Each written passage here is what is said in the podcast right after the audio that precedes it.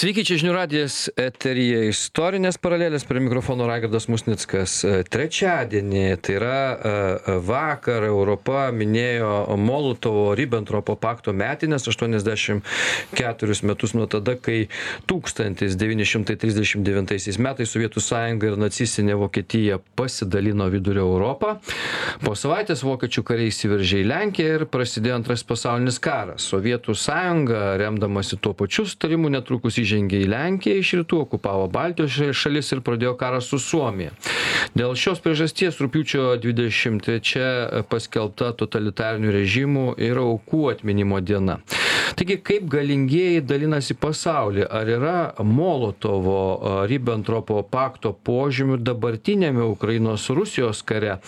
Apskritai apie dalybas pasaulio ir, ir Ribbentropo Molotovo pakto metinės šiandien kalbėsimės. Ir šiandien pas mus laidoje daktaras Arūnas Bubnys, Lietuvos gyventojų genocido rezistencijos trimų centro vadovas. Labą dieną. Ir daktaras Algirdas Jakubčionis, istorikas Vilnius universiteto docentas. Sveiki, Algirdai. Sveiki, sveiki. Tai e, gal e, iš tikrųjų šiek tiek apie, mm, apie e, prielaidas. Šį kartą, aišku, pradėkime nuo, nuo pačio pakto, apie tai vis dėlto, kodėl kodėl galingiesiems prireikia staiga dalintis pasaulį nu šiuo atveju europą rusams ir ir vokiečiams. Ko kokios prielaidos algirdai? Prielaidų ir priežasčių labai daug. Pirmoje eilėje tai e, europos šalys bet kokiomis pastangomis stengiasi išvengti karo Priežastys aiškios. Prancūzija pirmajam pasauliniam kare itin nukraujavo ir Prancūzijoje kaip niekur buvo stiprus pacifistinis judėjimas. Išvengti karo bet kokiamis priemonėmis, na ir be to egzistavo ir tikėjimas netgi, kad nu, žmonė negali leisti kilti vėl tokiam baisumui, kuris jau kartą buvo. Anglija iš esmės užsisklendusi laivynų kariuomenės dėlės neturi irgi suinteresuota išvengti e, galimų perspektyvų, karo perspektyvų. Na ir šitoj situacijoje tas taikos siekis turbūt ėmė dominuoti. Kitas dar dalykas, kad Vokietija taip pat nusprendė naudoti mm, priemonės, kad jos įsitikinimu ji būtų pakelta iš to pažeminimo, kurį patyrė pasibaigus pirmajam pasauliniam karui. Pirmoje eilėje tai pagal Versalio taikos sutartį Vokietija neteko kelių ryšių su Rūrų priešakyje, tai vienas dalykas. Vokietija turėjo sumokėti didžiulės kontribucijas, na ir vokiečių tauta jautėsi pažeminta. Ir kada Hitleris iškėlė, kad mes turime gražinti Vokietijai buvusią jos didybę, iš tikro dalis gyventojų su šito lozungu absoliučiai sutiko ir jiems tai buvo priimtina. Ir galų galę neužmirškim ir Hitlerio padaryto himno. Deutschland, Deutschland, liberalės. Vokietija aukščiau visko. Vat šitas dalykas vokiečių tauta užkrėtė ir šitas dalykas vedė prie to, kad e, Hitleris iš tiesų gavo laisvas rankas veikti taip, kaip kad jis nori, bet motivuojant liaudės tauta šito nori. Na ir turbūt e, pirmas žingsnis buvo, kai po Austrijos užėmimo arba Anšliuso. Tai sekantis žingsnis buvo, kai Vokietija bandė sukelti Vokietį, vadinamosios Vokiečių partijos e, maištą sudetų krašte Čekoslovakijai. Jis buvo Čekoslovakijos vyriausybės nuslopintas, bet Hitleris apkaltino, kad pažeidžiami vokiečių tautinės mažumos interesai Čekoslovakijoje ir kad to negalima atleisti. Ir būtent tada jisai kviečia, sukviečia konferenciją Münchene, atvyksta iš, iš, iš, iš Didžiosios Britanijos Čemberlenas ministras pirmininkas, iš Prancūzijos Deladie, Musolinis iš Italijos Hitleris. Ir tenai jisai suformuluoja, kadangi Hitleris, kadangi neužtikrinamos vokiečių mažumos teisės sudėtų sudėtų krašte, jam reikia prisijungti sudėtų kraštą. Sutinka didėjim. Sutinka vėlgi dėl tos, ką ir sakiau, taikos išsaugimas bet kokiamis priemonėmis. Sutikus, kas sekantis, sekantis turbūt žingsnis buvo tai, kad 39 e, metų pavasarį visa visa Čekoslovakija užimama. Bet ir net Čekoslovakijos, demokrat, vienos iš demokratiškiausių valstybių pasaulyje, kuri susidarė po pirmo pasaulinio karo, net ir jos užėmimas pasaulio didžiųjų dar nepaveikė. Ir jeigu taip jau žiūrėti e, žiūrėti analogijas, tai turbūt galime sakyti, jog e, Rusija taip pat kėlė, kėlė, kėlė ir kelia dabar tautinių mažumų skriaudimo klausimą. Sudėtų kraštas ir Ukraina. Ir panašu. Ukraina, taip maždaug. Persiekėmi rusai, tarkim, rytinėje Ukrainoje, jiems nesuteikiamos teisės, kad ukrainiečiai save iškelia virš kitų tautų ir panašiai. Taip, kad tas nacionalizmo arba tautinių mažumų reikalas, kaip ir buvo keliamas, taip ir, taip ir tebėra keliamas. Beje, dar grįžtant prie šito Müncheno susitarimo, tai yra e, netgi e, dokumentinė nuotrauka, e, filmas, filmukas, kur Čemberlenas išlipa iš lėktuvo Londone, musikuoja sutartimi ir sako, aš parvežiau Europai taiką šimtui metų. Nu, šimtą kartų suklydo. Po metų prasidėjo karas. E, Arūnai, tai e, čia tokia įžanga, aišku, apie prielaidas tam tikrą prasme irgi e, kokios yra, bet aišku, mes jeigu taip žiūrėtume per, per amžius visus, tai rastume turbūt ir daugiau tų prielaidų, kada sugalvoja galingieji dalintis valstybės tam tikras, bet vis dėlto kokie tie skaičiavimai būna dalybų, tiesą sakant, nu, šiuo atveju Ribbentropo Molotovo paktas suvažiuoja du veikiai. Nu gerai, vokiečiams, sakykime, ką ir sakė Algirdas po pirmo pasaulinio pasaulinio karo reikia kažkokių tai pergalių būtinai ir čia jaučia gal prancūzai silpni, gal dar tuos vienus kitus užpulsime, nieko nenutiks.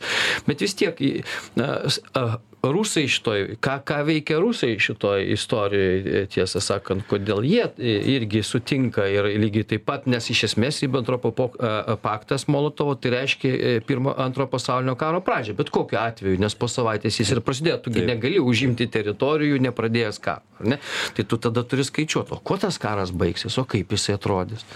Na, aš norėčiau pilnai sutinku apie tai, ką Algirdas e, pakalbėjo apie Vokietijos situaciją, poziciją, apie nacionalsocialistų partijos užsienio politiką, bet labai praktiškai tas pats tinka ir Sovietų Rusijoje, nes po pirmojo pasaulinio karo iš esmės buvo dvi didžiulės valstybės, kurios buvo nepatenkintos tą Versalio taika ta politinė sistema, kuri susiklostė po pirmo pasaulinio karo, tai buvo Vokietija, žinoma, iš vienos pusės mhm. ir, ir iš kitos pusės, sakyčiau, Sovietų Rusija, kadangi Rusijos imperijos žlugo, Rusija taip pat prarado daug teritorijų, e, sakykime, Baltijos šalis, kaip pavyzdys, ir, ir, ir kiti, ir, ir pusė, pusė Ukrainos, e, pusė Baltarusijos, tai man atrodo, kad e, Rusija taip pat kaip ir Vokietija buvo nepatenkinta ta Versalio taika sistema ir norėjo ją pakeisti. Ir čia atsiranda abipusis interesas. Ir Vokietijos, ir Sovietų Rusijos. Kad, reiškia, žlugdyti tą sistemą ir atkurti savo, sakykime, imperijas. Ir Vokietijos imperija, ir, ir, ir, ir Sovietų Rusijos imperiją taip pat atkurti.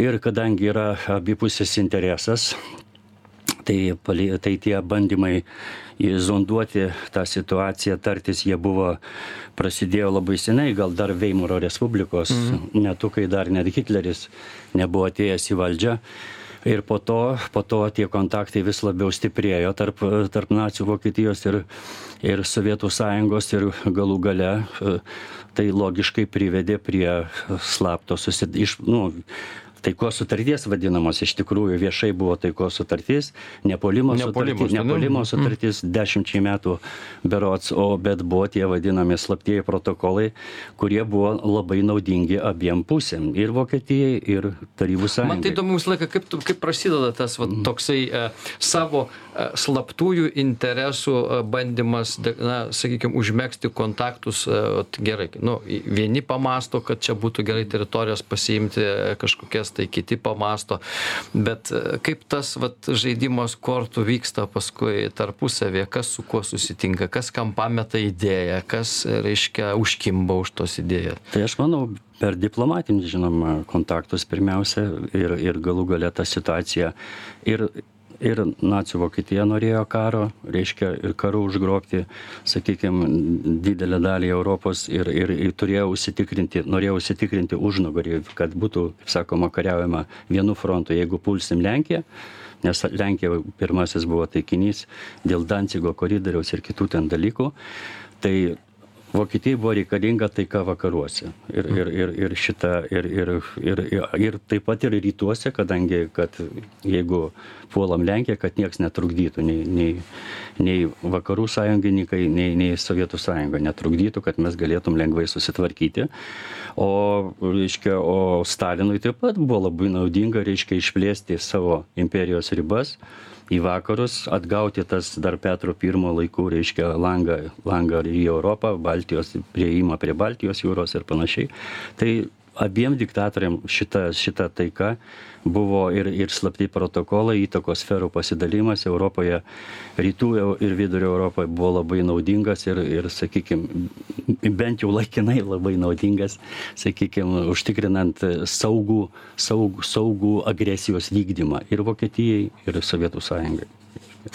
A, o iš esmės, na, kalbant apskritai apie tokius sutarimus, vėlgi klausimas, e, kiek na tie slaptieji protokolai ar jie buvo kitoms europos valstybėms žinomi ar nujautė jos apie tai kad kažkas čia daroma apie tai kad ruošiamasi karui kad susitikinėja rusų diplomatai su pra su vokietijos diplomatais ir rezga jau kažkokius čia planus. Kiek kiek europa apie tai suprato ką nors?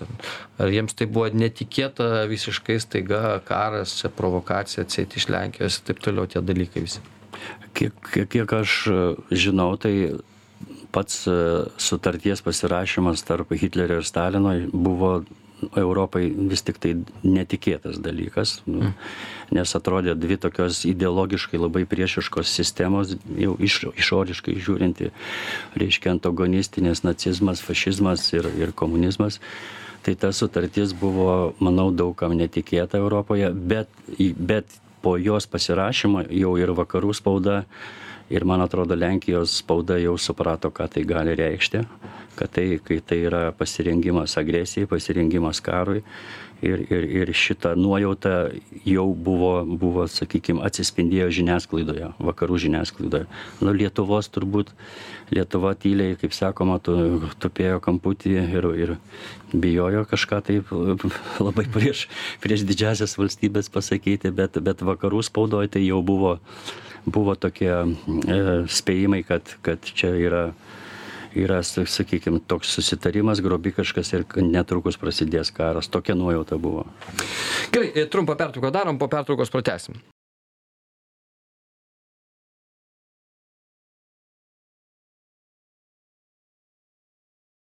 tęsiame istorines paraleles. Ribentropo molotovo paktas kaip galingieji dalinasi pasaulį ir čia ne be reikalo esamasis laikas nes žiūrint į istoriją tai vakar molotovo ribentropo pakto metinės buvo dvidešim trečia rugpjūčio bet tai mes dabar dar kol kas žvelgiame į istorinius dalykus į prielaidas ir ir mechanizmą kaip viskas vyko. O dar ko gero ir antroje laidos dalyje pabandysime pažiūrėti žiūrėti kaip vyksta dabar tai kas kas darosi ukrainoje.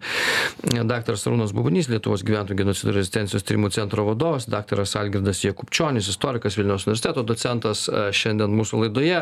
Tai algirdai tęsiant toliau na tai kas buvo sakyta dvi dvi visiškai skirtingos valstybės sovietų sąjunga ir vokietija viena kapitalistinė kita socialistinė valstybės randa bendrus sąlyčio taškus. Aišku ribentropo molotovo paktas faktas jisai buvo pakankamai viešas jis netikėtas europoj bet tie slaptieji dokumentai europos pasidalinimo ir yra esmė ties kuria na maždaug su susi susiderėjo dvi valstybės. Jų apskritai bendradarbiavimas žvelgiant į istorijos prasidėjo kada ir koks kaip jį galima būtų vertint turbūt galima įžvelgti kelis etapus bendradarbiavime. Pirmiausiai tai ką jau buvau minėjęs po pirmo pasaulinio karo abi valstybės jautėsi išstumtos iš arenos teritorijos sumažėjusios. Ir tada pradėjo ieškoti tarpusavyje kontaktų. Ir nuo dvidešimt šeštų metų maždaug prasidėjo glaudus ekonominis ir karinis pabrėžiu bendradarbiavimas. Jeigu vokietija negalėjo turėti e, tankų vokietija negalėjo turėti karinės aviacijos tai karo lakūnai tankistai buvo ruošiami sovietų sąjungos sąjungos mokyklose. Plius cheminis ginklas buvo taip pat išbandomas sovietų sąjungoje ir tai buvo daroma vokietijos medžiaga sovietų sąjungoj bandymai. Tai vat vadinasi karinis bendradarbiavimas glaudus. Ateina Hitleris ir Hitleris nusprendžia parodyti pasauliu, kad jis yra ta jėga, kuri sustabdys Sovietų sąjungos blogį. Ir vakarai jam leidžia dėl šitos priežasties, na, iš esmės ir ginkluotis, ir nekreipia dėmesio tai, ką jisai daro. Iki tokio lygio, kad vėliau prieinama vėlgi užkirsti kelią kar, e, karui, išsaugoti tai, ką, ką ir sakiau. Bet maždaug e, Sovietų sąjungos pozicija buvo gudresnė nei kad Hitlerio. Dar 26 metais Stalinas pareiškė, kad mūsų tikslas, kad imperialistinės grupuotės viena su kita kovotų. Kada kuri nors pradės išsekti, mes jai padėsime. Bet ne todėl, kad mes iš gailėščių, bet kuo ilgiau kovodamos, jos tuo labiau išseks. Ir tada mes mesime svarmenis ir visas likimas e, ateities bus mūsų rankose. O kurias iš čia grupuotės turėjo omeny? Pirmoje eilėje tai e, Stalinas absoliučiai nekentė Anglijos, mm. tokiais atvejais vakarų demokratijos šalių. Kitas dar dalykas, ko, pasim, kaip, kodėl pasimaišė Lenkija. Apie Lenkiją Lenkijos Stalinas taip pat itin nekentė ir jie vadino buržuazi, buržuazinę fašistinę šalimi. Ir sakė netgi, jeigu viena tokia šalimi bus mažiau, tuo geriau. Mes galėsim plėsti socializmą į Europą. Vėlgi, fašistinė Lenkija. Nu, nebuvo į ten tokia, kokia buvo, bet nebuvo. Ir vėlgi, vadinasi, reikia pradėti nuo tos, kurios labiausiai nekinti. Ir kada 39 metais Stalinas pasakys, kad jis nusivylė vakarų demokratijomis, jis niekada netikėjo. Bet Hitleris nuspręs tuo pasinaudoti ir pabandyti suartėti, kadangi jam reikia pradėti, dabar jau žinom, antrą pasaulinį karą. Ir kada buvo pasirašytas Molotovo-Ribbentropo paktas, tai prieimime, tarkim, Ribbentropas sakė, kad, tai yra Molotovas Ribbentropui sakė, kad e, e, Hitleris teisingai suprato Stalino žodžius, kad mes nusivylė demokratiją ir mes pradame dabar naują mūsų bendradarbiavimo etapą. O kad tas etapas buvo Vokietijai reikšmingas ne tik tai dėl e, karinių tikslų, ne tik dėl, polimo, ne tik dėl polimo, tai ekonominė nauda. Na, pavyzdžiui, tik tai keli skaičiai. Iki 41 metų birželio per pusantrų metų Vokietija gavo 800 tūkstančių tonų naftos iš Sovietų sąjungos. Gavo pusantro milijono tonų grūdų. Kai kuriais duomenimis iš tais grūdais Vokietijos kariuomenė buvo maitinama iki 43 metų. Tai va tai čia yra didžiulė ekonominė nauda, kurią mm. Vokietija gavo. Vėlgi. Visą laiką tai būna. Laiką tai ekonomika būna. priveda prie karo kokio nors. Tai, bet, bet čia įdomus dalykas, va, aš dar, e, ką, ką sakė Elgirdas, aš ir e, Arūnai, jūs norėčiau. Labai įdomus momentas, kai leidžia Europo ir vakarai ginkluotis Vokietijai. E, pirmas pasaulinis karas. Mes žinome priežastis ir žinome Vokietijos vaidmenį tame kare. Ir staiga, nu, po karo tu ta, tarsi kaip dabar mes leistume Rusijai vėl, sakykime, ginkluotis po karo. Ir sakytume, nu, čia jinai sugalvos kokią nors idėją, sustabdyti kokį nors vėl blogį. Ir ar, ar, ar iš tikrųjų Europa net neįtarė, ką, ką, ką, kas slypi po vokiečių norų ginkluotis? Na, aš manau, kad vakarų demokratijos, ypač Anglija ir Prancūzija, jos kaip ten bebūtų jos buvo suinteresuotos kad vokietija atliktų tam tikrą buferio vaidmenį tarp e, europos ir atskirtų sovietų sąjungą jos įtakos plitimą į europą traktavo kaip tokį tam tikrą buferį. Ir aš manau kad vakarų demokratijos anglosaksai jie iš principo buvo visai nieko prieš, jeigu kiltų karas tarp Vokietijos ir Sovietų sąjungos. Tai čia buvo kalba apie tą kitą priešingą variantą, kad sovietai norėjo, kad kiltų karas tarp, tarp vakarų demokratijų ir, ir nacistinės Vokietijos. Tai aš manau, kad angl, anglosaksai irgi visai buvo nieko prieš, kad Vokietija, reiškia, jos agresija eitų pirmiausia į rytus ir pirmiausia būtent į Sovietų sąjungos atžvilgių. Tai dėl to aš manau, Vokietijai, Hitleriui iš pradžių buvo daug kas atleidžiama ir, ir, ir sakykime, ir buvo atleista tuo met, kai, kai reiškia, vokiečiai užėmė tą demilitarizuotą Reino zoną, kur Vokietija neturėjo teisės laikyti kariuomenės, reiškia, pačios Vokietijos teritorijoje, kitame Reino krante pas, pa, kai paėmė Saro kraštą, prisijungė prie Vokietijos, kai paskelbė visuotinę karinę prievalę, kai pradėjo ginkluotis, ilgą laiką, ilgą laiką, reiškia, vakarų demokratijos žiūrėjo pro pirštus į tos dalykus, nors tai buvo akivaizdus ir Versalio taikos pažeidimai ir kiti dalykai, galbūt tikėdamėsi, kad, kad Hitleris pirmiausia savo agresiją nukreips į Sovietų sąjungą. Bet čia atžvilgių. yra di diplomatijos feskų tam tikrą prasme vakarų, juk jeigu taip, taip norėjo, tai taip, tai turėjo spausti Vokietiją, tai, tai, Sovietų tai, sąjungą. Čia taip ir gavosi, kad, reiškia, tas nuolaidžiavimas Hitleriui, e, reiškia, privedė prie, sakykime, ir prie susitarimo tarp Stalino ir Hitlerio ir, ir šiuo atžvilgiu šiuo šiuo momentu reiškia hitleris ir stalinas apgavo vakarų demokratijas visiem netikėtai sudarė tą nepuolimo sutartį ir ir pasirašė paktus. Tai šia prasme manau šie du diktatoriai vakarų valstybes apgavo sakykim jos jos to nesitikėjo. Iš to o, o paskui galiausiai ir stalinas buvo apgautas. Ar jis ar jis manau kad stalinas ko gero tiesiog hitleris aplenkė staliną tiesiog aplenkė. Jie nemanau kad jie vienas kitu pasitikėjo bet tiesiog e, hitleris sureagavo greičiau. Pirmas pradėjo karą ir ir ir stalinas galbūt nebuvo pilnai tam pasiruošęs tam karui galbūt jis galvojo sakykim po metų tą karą pradėt o hitleris jį aplenkė paprasčiausiai. Mhm. tiesiog norėčiau papildyti kad atsiminimuose rašoma jog pasirašius e, molotovo ribentropo paktą e, po priėmimo jau susirinko į kambarį ir stalinas iš džiaugsmo sakė apgavau apgavau aš juos mhm. visus. Vadinasi jis buvo įtikėjęs kad apgavo vakarus gerai padarom trumpą pertrauką mes po pertraukos aiškinsimės kas čia dar ką apgavo e, ir žiūrėsime į paraleles kurios yra ir e, šiandien e, aptarsime ir jas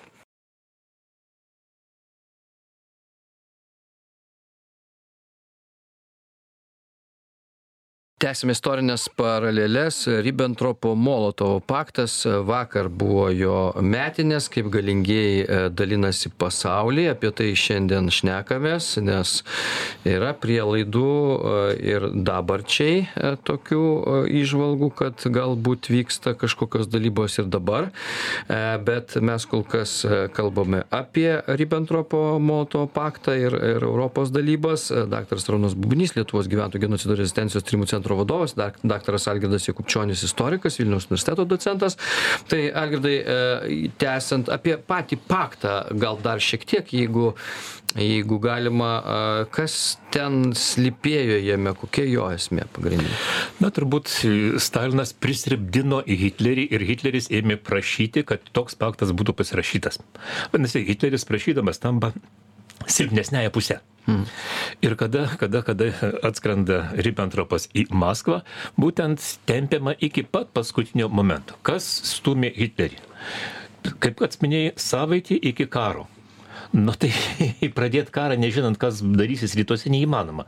Savaitė laiko taigi kariuomenė sukoncentruota viskas suvežta. Jeigu karas atsidengia nepradedamas vėl visi resursų problema.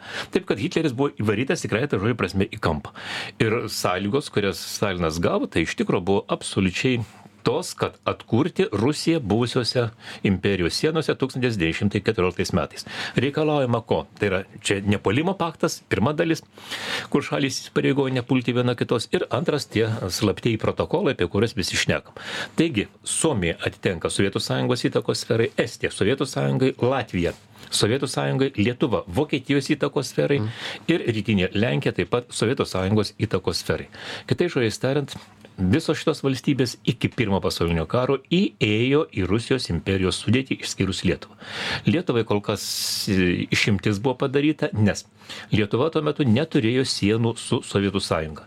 Ir laikinai buvo sutikta su šituo sienų sprendimu kada sovietų sąjunga užėmė rytinę lenkiją su vilniaus kraštu atsirado siena su lietuva tada rugsėjo dvidešims aštuntą dieną nauja sutartis sienų ir draugystės sutartis kuria ir lietuva atiteko sovietų sąjungos įtakai. Beje stalinas asmeniškai paprašė hitleris sutiko nes hitleriui kiek karas trunka tris savaites nu keturias. Vadinasi dar ir neaiškus jo likimas tai vat lietuva taip pat atiteko ir lietuvos išskirtinumas taip pat pasibaigė su šita sutartimi. Beje, e, jeigu sovietinė istoriografija neigė iki pat, buvo 300, iki pat 89 metų Molotovo-Ribbentropo paktų buvimą, tai draugystės, sienų ir draugystės sutartys iš vis buvo sakoma, kad tokios net nebuvo.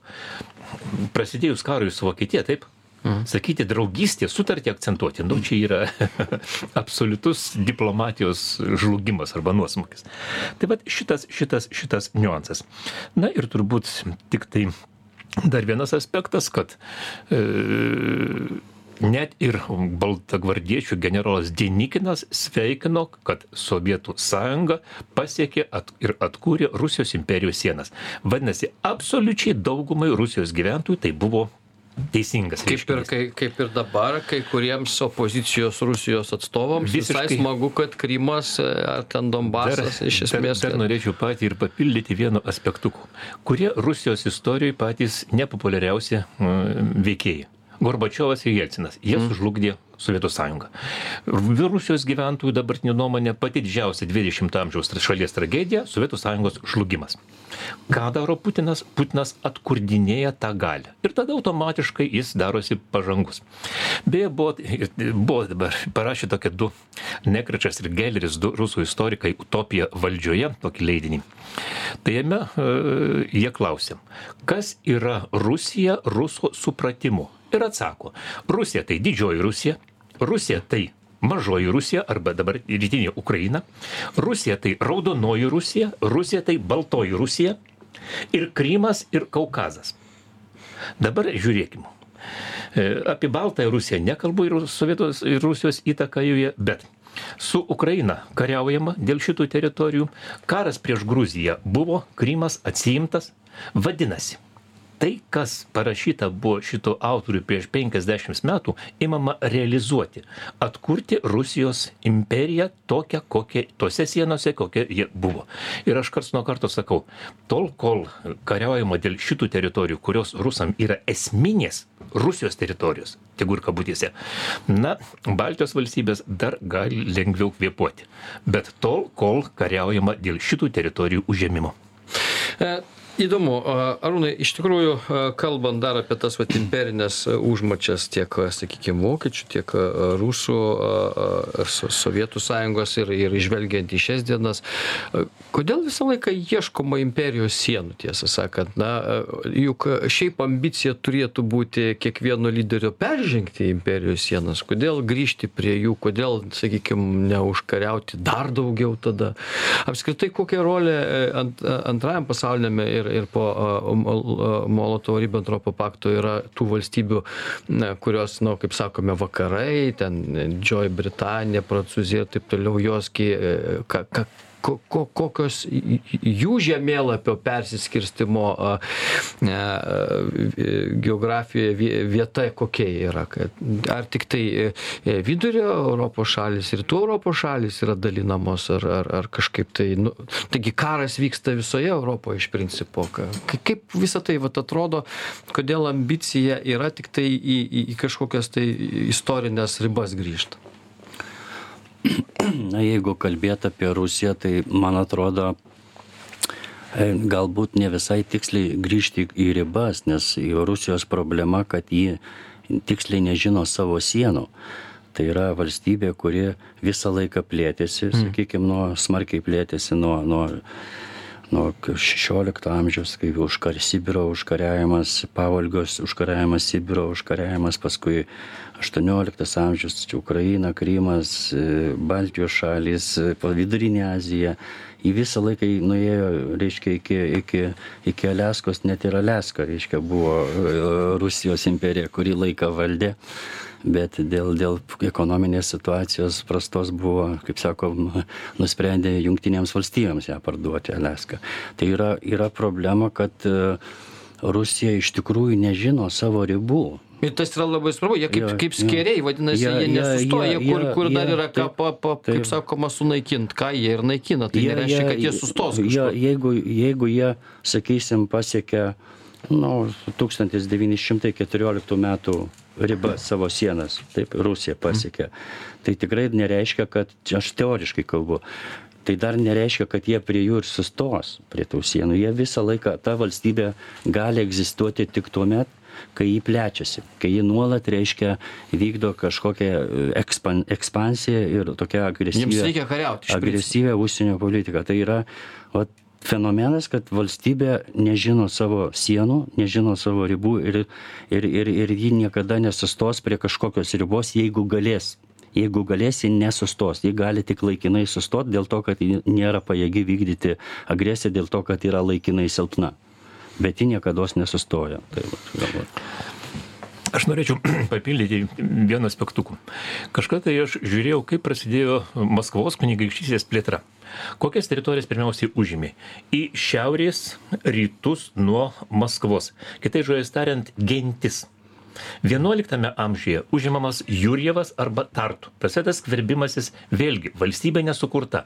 Atskiros atskiros atskiros gentys arba gerų geriausiu atveju kunigaikščiai.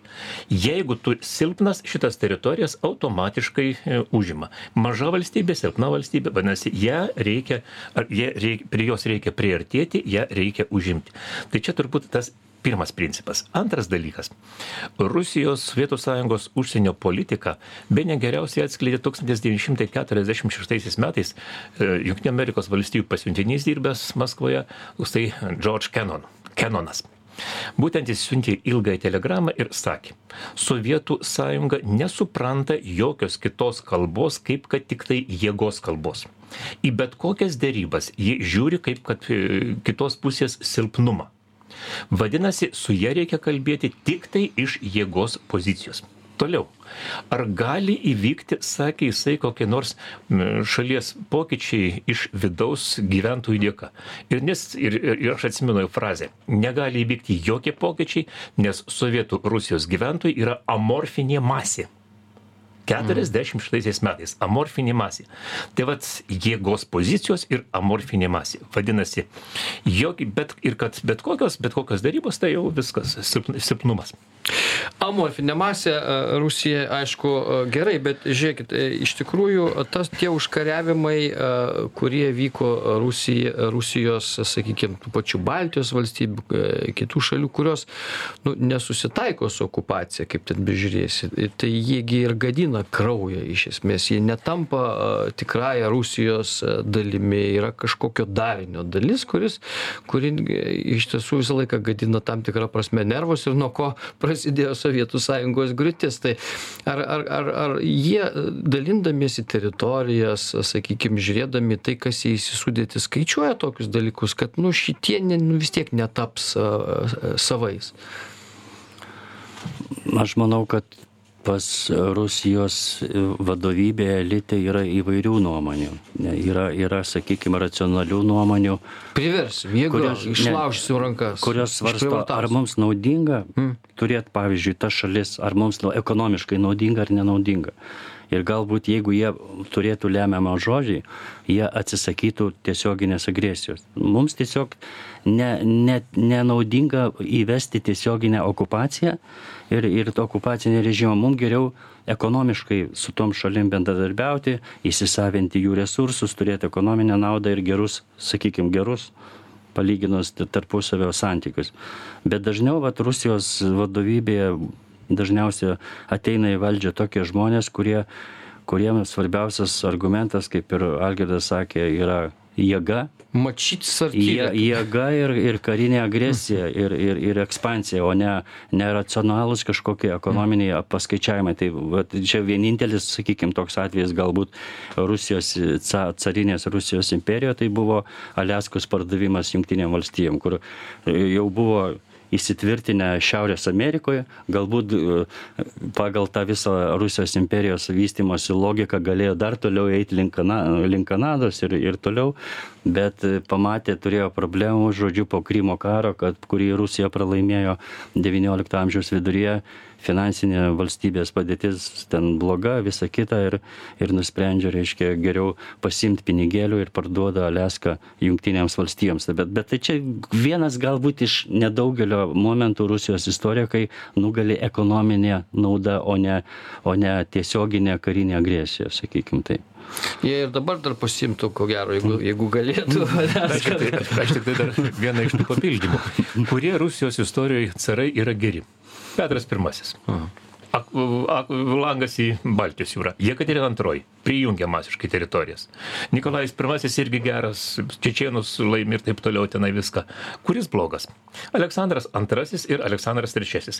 Aleksandras II praranda e, Krymo karą nelaimi. Mm o pralaimėjimas. Na jeigu juodoj jūroj uždraudžiama laikyti jo karinius laivus ir turėti pakrantėj juodosios jūros karines jūrų karines bazes. Nu tai čia yra įžeidimas jų supratimu ir antras blogas kuris nes kuris bandė liberalizuoti šiek tiek sistemą tenai savivaldą suteikti aleksandras trečiasis. Ir tada visose knygose buvo rašoma kad maždaug taip jam ir reikia jis mirė natūralia liga nuo alkoholizmo. Tai vat iš karto jie blogi. E, apie leną ištrinama nes iš ideologinių pozicijų nes jo laikais subyrėjo šita valstybė bet bandymas vėl ją atkurti buvo. Kas yra revoliucijos eksportas? Nu tai tas pats e, į kur į kur eksportuojama revoliucija? Pirmoj eilėj į lenkiją. Lenkija buvo sudėtyje. Ir baltijos šalis. ir baltijos šalis. Vadinasi tas išlieka kad grįžti užimti nes nu negali būti mes tokie maži. Ir pavyzdžiui gyventojai iš tikro absoliučiai palaiko nes stipri rusija jiems yra gėris O dėl požiūrio į kitas tautas, tai 41 metais Stalinas pradėjo perorientavimą nuo uh, socialistinės ideologijos prie nacionalizmo, nacionalinės ideologijos. Ir tarkim, galutinai perorientavimas 45 metais, kada jis kreipėsi broliai ir seserys ir kad pirma tauta yra rusų tauta, kuri yra svarbiausia. Ir va tada tas rusiškasis nacionalizmas imamas, e, sakyt, iškelti į viršų ir paniekinamai žiūrėti į kitataučius gyvenančius e, Sovietų sąjungoje. Yra nacionalizmas lietuvių ar estų ar latvių, bet rusiškojo nacionalizmo niekada nėra. Internacionalizmas. Vadinasi, jie aukščiau, o visos kitos tautos yra tam tikros, na, maždaug nu ir dar galbūt vieną tokį priminimą. Jeigu jos leidosi būti užimamos vadinasi jos neturi vertės nes nu leidosi užimamos Tai čia tas pats, e, e, kiek dabar, e, Arūnai, galima išvelgti, sakykime, šitame kare, kuris vyksta dabar Europoje, kažkokių paralelių, nežinau, iš pakto Ribbentropo laikų, iš antro pasaulinio karo laikų pozicijos. Kas jums atrodo čia persikloja? Man tai galbūt krenta į akis tokia paralelė, reiškia, kai vakarai nuolaidžiavo Hitleriui, reiškia, mm. iki 39 praktiškai metų ir netgi dar daugiau, iki 40 e, kol jau pačią Angliją neužpuolė, sakykime, ir Prancūzija, Hitleris, reiškia nuolaidžiavimo agresoriui politiką. Ir, e, ir jeigu pažiūrėsim, kaip vakarai dabar elgesi, kai Putinas, reiškia, e, sunaikina Čečienę, paskui, reiškia, įsiveržimas į Gruziją, dalies Gruzijos teritorijos okupavimas, galų gale 14 e, metai Krymo užėmimas, Donbaso užėmimas. Ir ką? Ir mes nematome iš vakarų pusės, iš NATO pusės, ES jokių rimtų kažkokių sankcijų, rimtų, kurios tikrai, kurias pajustų, sakykime, agresoris arba to rimtos pagalbos Ukrainai, karinės ir kitokios pagalbos. Tik dabar, kai jau dvidešimt antrais metais sakykim jau ta pil pil pilnos apimties karas prasidėjo prieš ukrainą tik dab tik tada vakarai kažkaip tai e, sukruto ir pradėjo pradėjo suprasti kad čia tikrai toliau negalima nuolaidžiauti nes peržengtos jau praktiškai visos ribos tai tas nuolaidžiavimas iki antro pasaulinio karo ir iki du tūkstančiai dvidešim pirmų metų tai man tokia paralelė labai labai reiškia krenta į akis kad e, negalima agresoriui nuolaidžiauti niekados, nes e, jeigu, jeigu nuolaidžiauja, tai pasiekmes bus žymiai blogesnės, negu iš karto bandyti užkirsti kelią agresijai. Visiškai, visiškai pritariu, nes turbūt reikia pasakyti, kad nuolaidos agresorių skatina. Ir jeigu po 2014 metų būtų imtasi rimtesnių priemonių, tai dabar vakarams nereikėtų tiek remti, tiek milijonų skirti uh, Ukrainai, paramai Ukrainai. Iš tikro, dar kartą kartojusi, nuolaidos agresorių skatina. Pakto kaip tokio pasidalinimo elementai čia vakar laidoje Andrius Kubilius citavo vieną leidinį amerikiečių, kur ten buvo rašoma apie CŽV atstovų sutikimo su rusais kur ten tarsi buvo sutarta dėl to kaip atrodys karas ukrainoje kad iš iš esmės na ne rusai ne ne neis toliau ukrainos teritorijos kad ukrainiečius kontroliuos vakarai kad jie nelįstų į rusijos teritoriją taip toliau tai čia tokios tiesioginės sąsajos kažkokių dalybų teritorijos ar kaip? Juk visą laiką po karų ten tos teritorijos persibraižo. Kaip jūs manote šituo atveju? Persibraižys e, šio karo atveju teritorijos ar ne? Na čia dar pirmiausiai ne istorija. Čia nūdiena na kitas dalykas tarkim anglai turi e, tradiciją kad archyvų nedaryti penkiasdešims metų po įvykių kol neišmirtų ta karta kurie istoriją kūrė. Taip kad aš šito dalyko tikrai nežinau bet pagal viską tai e, amerikai buvo šokas tas vis stiprėjantis karas ir dabar žiūrėkim kada kokios e, gynybos sistemos teikiamos e, ukrainai. Iš pradžių humanitarinė parama vėliau tam tikra ginkluotė vėliau priešraketinės sistemos vėliau tankai leopard dabar jau susitarta dėl lėktų karinių lėktuvų tiekimo. Vadinasi kada pamatoma koks tas agresijos mastas tada iš esmės ir pamatoma kad rusija nenustos. Vadinasi pamažu pamažu pamažu šita parama ukrainai didėja. Ir manyčiau kad tai irgi yra savotiškas mm, savotiškas na galbūt e, sąžinės reikalas. Padėti kiek galim dabar ir išpirkti kaltę kad nepadėjom tada kada viskas prasidėjo. Nors jeigu labai trumpai arūnai e, kaip suprantu iš jūsų e, nepasimokė pasaulis iš pakto ir antro pasaulinio manau kad pilna pilna apimti apimtimi tikrai nepasimokė. Pilna apimtimi kaip turėtų pasimokyti. Yra pasakymas, kad iš istorijos niekas nesimoko. Ir kita karta, kitai kartai lemta padaryti vėl tas pačias klaidas. Ah, liūdna, kad taip vyksta, bet ką darysi, gal kažkaip kitaip viskas atrodys, gal klaidos bus kiek kitokios ir, ir mažiau skausmingos. Tai, tai tiek šiandien laidoje istorinės paralelės, daktaras Raunas Bubnys, daktaras Algirdas Jokupčionis, istorikai šiandien buvo mūsų laidoje. Ačiū visiems, kas klausėsi, iki kitų kartų.